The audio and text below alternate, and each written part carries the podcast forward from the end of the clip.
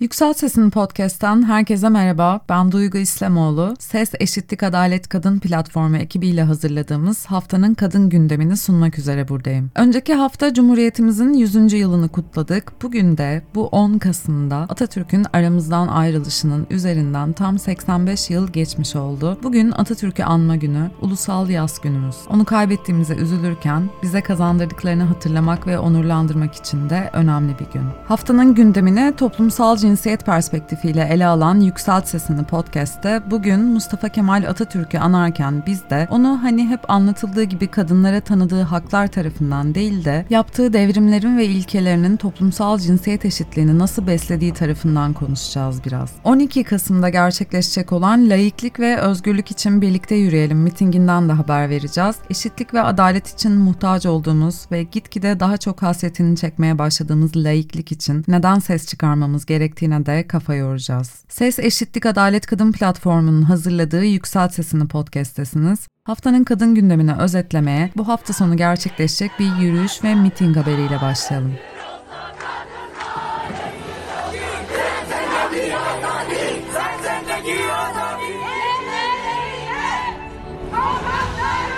Geçtiğimiz haftalarda HKG davasından bahsetmiştik. Çok küçük yaşta bir tarikat yapısı içerisinde evlendirilen ve istismara uğrayan genç kadının davası nihayet sonuçlanmıştı ve davanın yakından takipçisi olan kadın örgütleri bu davanın ardından 12 Kasım'da yapılacak laiklik ve özgürlük için birlikte yürüyelim mitingine çağrıda bulunmuştu. Kadın cinayetlerini durduracağız platformundan Fidan Ataselim Yarın gazetesinde yayınlanan yazısında tüm duruşmalarda orada olduklarını hatırlatarak şöyle yazmış. Hesap soracağız, istismarı aklatmayacağız diyorduk. HKG'nin mücadelesi bizim mücadelemizle buluşunca o davada artık tüm kız çocukları, tarikat ve cemaatlerde geleceği karartılmış, umutsuzluğa kapılmış tüm genç kadınlar için bir sembol dava oldu yazmış Fidan Ataselim yazısında. Bu sembol davanın ardından kadın örgütleri özellikle laiklik vurgusu yaparak toplanma çağrısı yapıyorlar. Kadın cinayetlerini durduracağız platformu genel sekreteri Fidan Ataselim, laiklik ve özgürlük özgürlük için kadın yürüyüşünü Artı TV'de şöyle anlattı bu hafta. Aslında bütün o bize haklarımıza yönelik saldırıların hem e, bir yönü kadınların özgürlüğüne yönelik saldırılar, özgürlüklerimizin karşı karşıya olduğu tehditler diye düşünebilirsiniz. Hı hı. Bir diğer boyutu da aslında belli bir e, inancın, inanç yaklaşımının belli bir yorumunun e, topluma dayatılmasıyla karşı karşıyayız. Yani laikliğin tehdit altında olduğu, anayasanın iki maddesinin düzenlenmesi önerisiyle birlikte hatta buna sivil anayasa diyerek toptan bütün anayasa, bütün maddelerine ilişkin bir teklif getireceklerini söylüyorlar. Bir tür rejim değişikliği ve tehlikesiyle karşı karşıya olabiliriz demek istiyorum. Özgürlüklerimize ve laikliğe yönelik saldırılarla karşı karşıyayız. Bizim için de özgürlük ve laiklik yaşamsal düzeyde öneme sahip bu sebepten ötürü bu nedenle bizler koca bir kuvvet olarak kendimizi ortaya koyarsak eğer işte o zaman 12 Kasım'da bütün kadınları bu sebeple mitingde bir arada olmaya davet ediyoruz. Laiklik ve özgürlük için kadın yürüyüşü gerçekleştireceğiz. Yürüyüşün ardından Kartal Meydanı'nda bir miting gerçekleştireceğiz ve orada hep birlikte haykıralım isteriz. Özgür yaşayacağız, laik yaşayacağız ve en önemlisi o kadın düşmanlarının, o yobazların, sanki kendi hayatımız üzerinde söz hakları varmış gibi konuşuyor olmalarına haddini bildirmek üzere hı hı. ve kendi gücümüzün farkına varıp bu gidişatı, o yobazları ve kadın düşmanlarını durdurmak üzere bütün kadınları bir arada olmaya davet etmek isterim. Bizler de Ses Eşitlik ve Dayanışma Derneği olarak orada olacağız. 12 Kasım'da biz de herkesi Kartal'da düzenlenecek laiklik ve özgürlük için kadın yürüyüşüne bekliyoruz.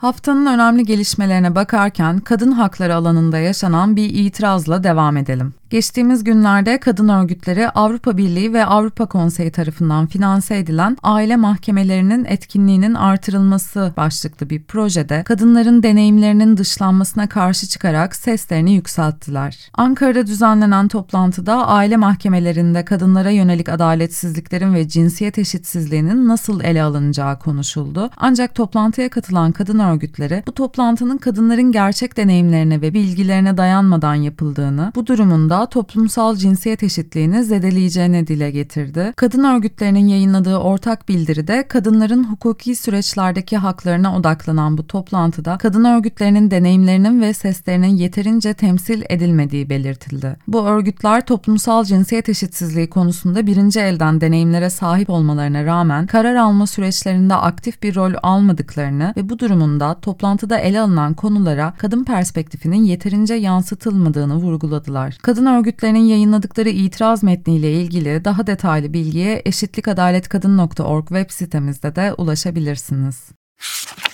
İstanbul'un kalbinde Beyazıt Meydanı'nda İstanbul Üniversitesi öğrencileri Yükseköğretim Kurulu'nun 42. yılında bir araya geldi ve hem YÖK'e hem de KYK yurtlarındaki yaşam koşullarına tepkilerini dile getirdiler. Yurtlarda KYK'ya, üniversitelerde YÖK'e rağmen yaşayacağız diyen gençler, katil KYK ve YÖK kalkacak, kayyumlar gidecek gibi sloganlarla seslerini duyurdular. Bir günün aktardığına göre geçtiğimiz haftada Edirne, Van, Diyarbakır, Bayburt, Aydın, Bilecik Bilecik, Denizli ve Sivas'ta sokağa çıkan öğrenciler KYK yurtlarındaki koşulları protesto etmişlerdi. Gençler üniversitelerin ticarethane olmaması gerektiğini, eğitimin ve kampüslerin özgür düşünce alanları olması gerektiğini savunuyorlar. Önceki haftalarda Zeren Ertaş'ın hayatını kaybetmesiyle sonuçlanan asansör faciası yurtlarda yaşanan zorlukları ve eksiklikleri daha da görünür hale getirmişti. Gençler seslerini bu sefer eğitim hakkı için yükselttiler ve yaptıkları açıklamada şu ifadeleri kullandılar kullandılar.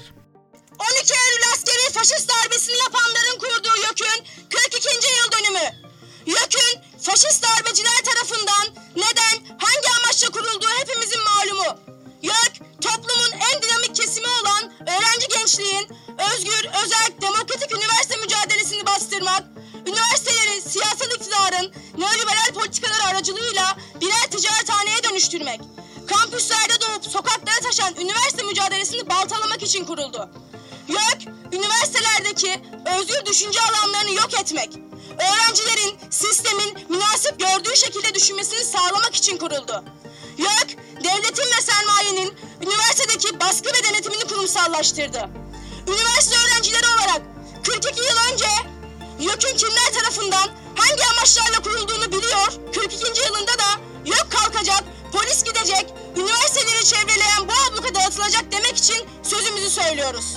Yürek kalkacak, polis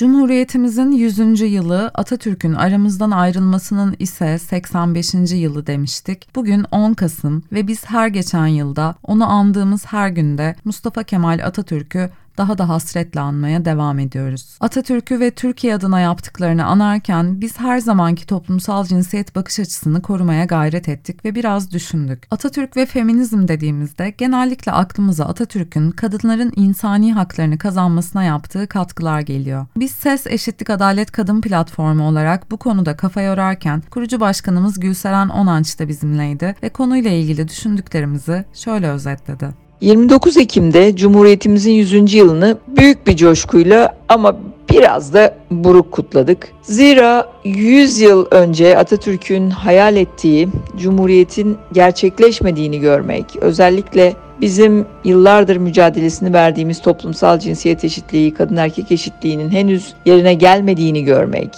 laiklikte çok büyük gerilemeler olduğunu gözlemlemek içimizde büyük bir burukluk, bir endişe, yaratıyordu ve bu buruklukla kutladık 29 Ekim'i.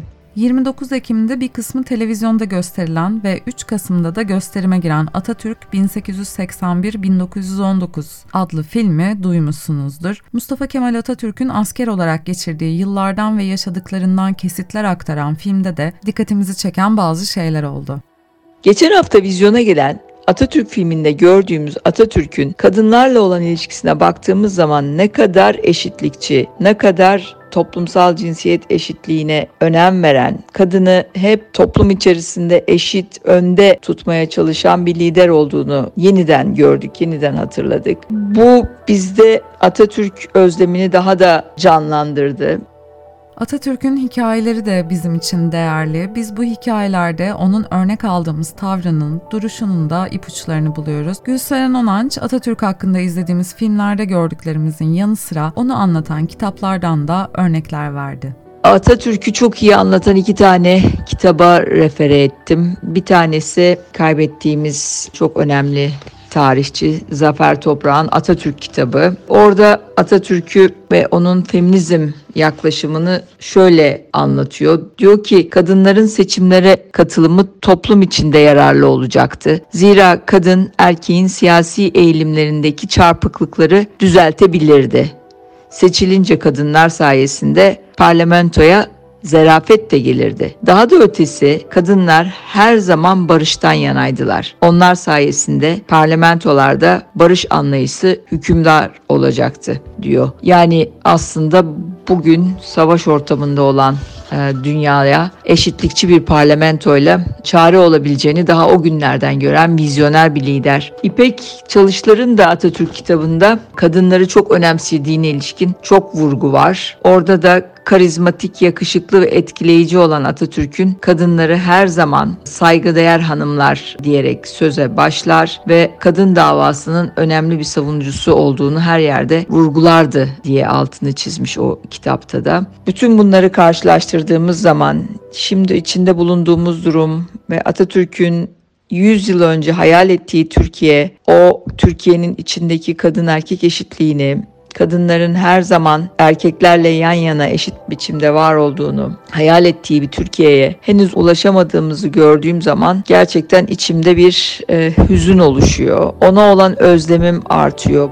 Ülkede anayasa değişiklikleri konuşuluyor. Hukuka ve adalete baktığımızda yüreğimiz hopluyor. Haklarımız, yaşamlarımız, hak mücadelemiz için endişeliyiz ama umutluyuz da. Bu haftaki Yükselt Sesini podcast'te veda ederken hatırlayalım. 12 Kasım'da kadın örgütlerinin katılımıyla layıklık ve özgürlük mitingi gerçekleşecek. Kadın cinayetlerini durduracağız platformunun davetini sizlerle paylaştık. Biz de orada olacağız. Sizleri de mutlaka desteğinizle orada görmek isteriz. Bir arada olmak, dayanışmamızın gücünü görmek bize her zaman iyi gelecek. Ses Eşitlik Adalet Kadın platformunun hazırladığı haftanın kadın gündemini dinlediniz.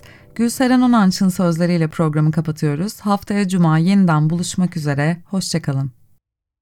Bu 10 Kasım'da Atatürk'ü büyük bir özlemle anarken ona bu sözü vermeyi kendimize bir borç biliyoruz. Atam evet senin hayal ettiğin laik, eşitlikçi, demokratik cumhuriyeti henüz oluşturamadık ama emin ol bu yolda mücadelemizi devam ettireceğiz. Kadın erkek eşitliğini, insan haklarının üstünlüğünü, demokrasiyi savunacağız ve eninde sonunda senin hayal ettiğin demokratik Türkiye'yi, demokratik cumhuriyeti inşa edeceğiz.